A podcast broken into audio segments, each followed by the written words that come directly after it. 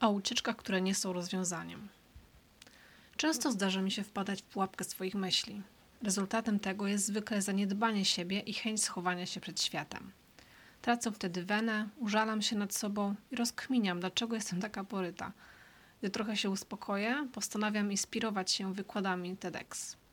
Dzięki nim, dzięki nim udaje mi się wyznaczyć jakieś cele na najbliższy czas, jednak natłok pomysłów na siebie i swoje życie sprawia, że moja głowa pęka od ilości informacji znalezionych online. I wtedy każdego dnia budzę się z listą muszę, chcę, powinnam. Narzucona na siebie presja doprowadza mnie do tego, że wściekam się na najmniejsze pierdoły.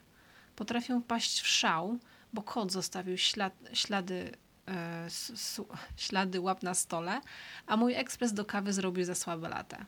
Wybucham wtedy niczym granat, a przez moje ciało naprzemiennie przypływają fale gorąca i chłodu. Sfrustrowana brakiem zrozumienia dla swoich własnych emocji i tego, co się ze mną dzieje, zamykam się w łazience, by się wypłakać i dać, dać upust negatywnemu napięciu. Nieustannie zadaję sobie pytania: co się ze mną dzieje? Dlaczego? Skąd ta ciągła frustracja i napięcie? Skąd ta potrzeba niszczenia wszystkiego, co mam? Po co? Choć bardzo się staram, to wciąż nie umiem znaleźć odpowiedzi na to pytanie. Mam taki mętlik w głowie, że w, w sumie każda odpowiedź generuje nowe pytanie i tak w kółko. W sumie najgorsze jest towarzyszące mu wszystkiemu wstyd i poczucie winy. Ta szpila, która mi przypomina o tym, jak bardzo nieidealna jestem i jak bardzo nigdy nie będę. Wstyd, że mam takie nahuśtawki nastrojów, z którymi nie umiem sobie poradzić.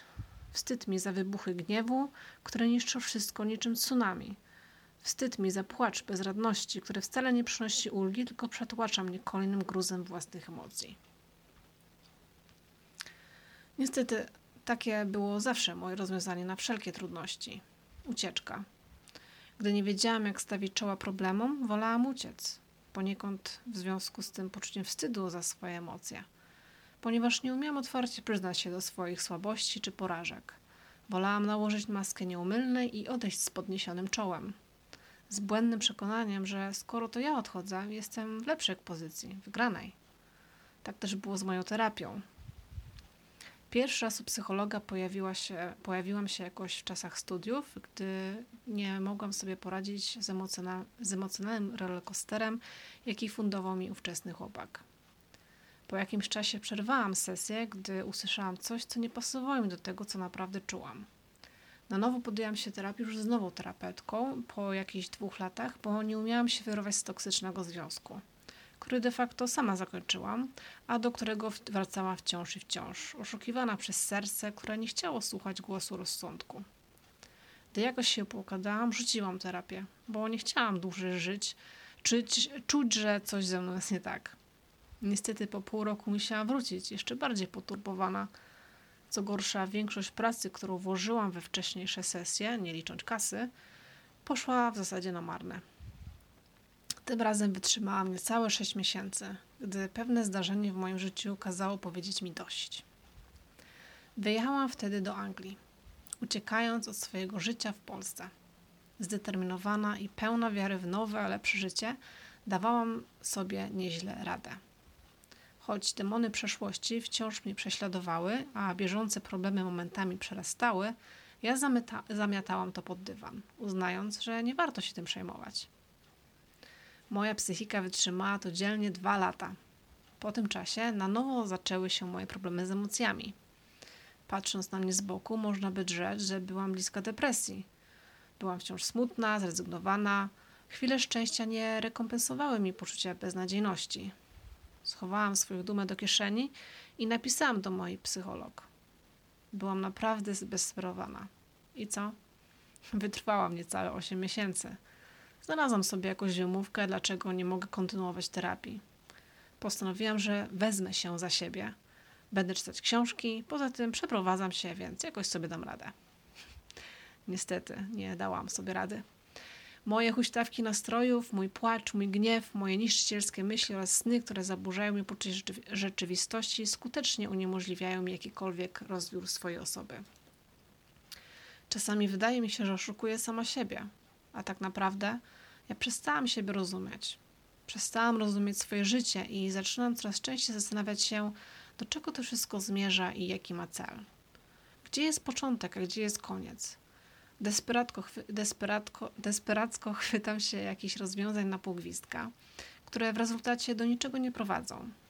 To wszystko stało się dla mnie niewiarygodnie trudne. Co dalej? Mam poczucie, że trochę Was oszukałam. Chciałam Wam pokazać, jakie to życie być, może być spoko, a sama coraz częściej w to nie wierzę. To znaczy, ja wiem, że może być naprawdę nieźle, tylko ja nie umiem się zebrać do kupy i to, co udaje mi się poskładać, jakoś pozmieniać na lepsze, rozsypuje się w drobny mak zaraz po tym, jak przychodzą mnie napady złości, płaczu i frustracji. Wtedy sama czuję się oszukana, bezradna i pogubiona. Wydaje mi się, że do samego blogowania podeszłam w nieco nieodpowiedni sposób. Podobno w blogosferze najbardziej liczy się autentyczność, a ja wciąż czuję, że tą autentyczność, autentyczność straciłam poprzez kreowanie się na zawsze szczęśliwą i uśmiechniętą blogerkę. Założeniem e, było inspirowanie do pozytywnego życia i optymizmu na co dzień. Niestety, e, nim sama nie odgrozuję się ze swoich problemów, niezrozumianych emocji oraz frustracji, ciężko mi będzie prowadzić mojego bloga e, z przekonaniem, że gradowa to gradowa, to a nie jakaś e, nieznana mi osoba, którą próbuję być.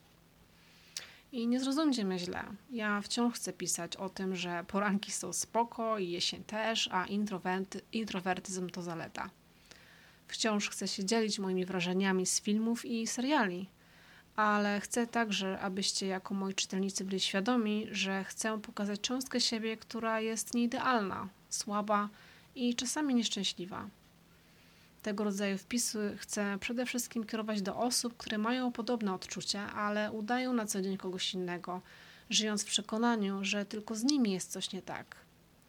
Ja sama najczęściej czytam takie blogi, które, e, w których autor opisuje swoje przeżycia i przemyślenia, uzewnętrznia zakamarki swojej duszy i udowadnia, że jest jedną z miliona osób, które dotykają podobne problemy. Nie inspirują mnie ogólnikowe wpisy, jak żyć, jak zrobić, jak myśleć. Zdecydowanie bardziej przemawiają do mnie artykuły, które opisują, jak autor poradził sobie z tym czy z tamtym, lub co myśli o tym czy o tamtym. W ten sposób nie mam poczucia, że coś muszę, coś powinnam zrobić, by być cool. Inspiruję się tym, co mi odpowiada i biorę przykład z autora, gdy jego przeżycia i doświadczenia są mi bliskie. Tak, na koniec dla jasności, nie szukam współczucia czy pocieszenia. Ja chcę być po prostu w końcu sobą. Mam dość udawania, ukrywania swoich słabości i porażek przez wiecznego oraz wiecznego kultowania zajebistości. Chcę mieć poczucie normalności, że pomiędzy fajnymi weekendami są tygodnie przeciętne, żeby nie powiedzieć beznadziejne, a przesia- prze- posiadanie zrytej bani nie skreśla mnie z listy osób fajnych i lubianych.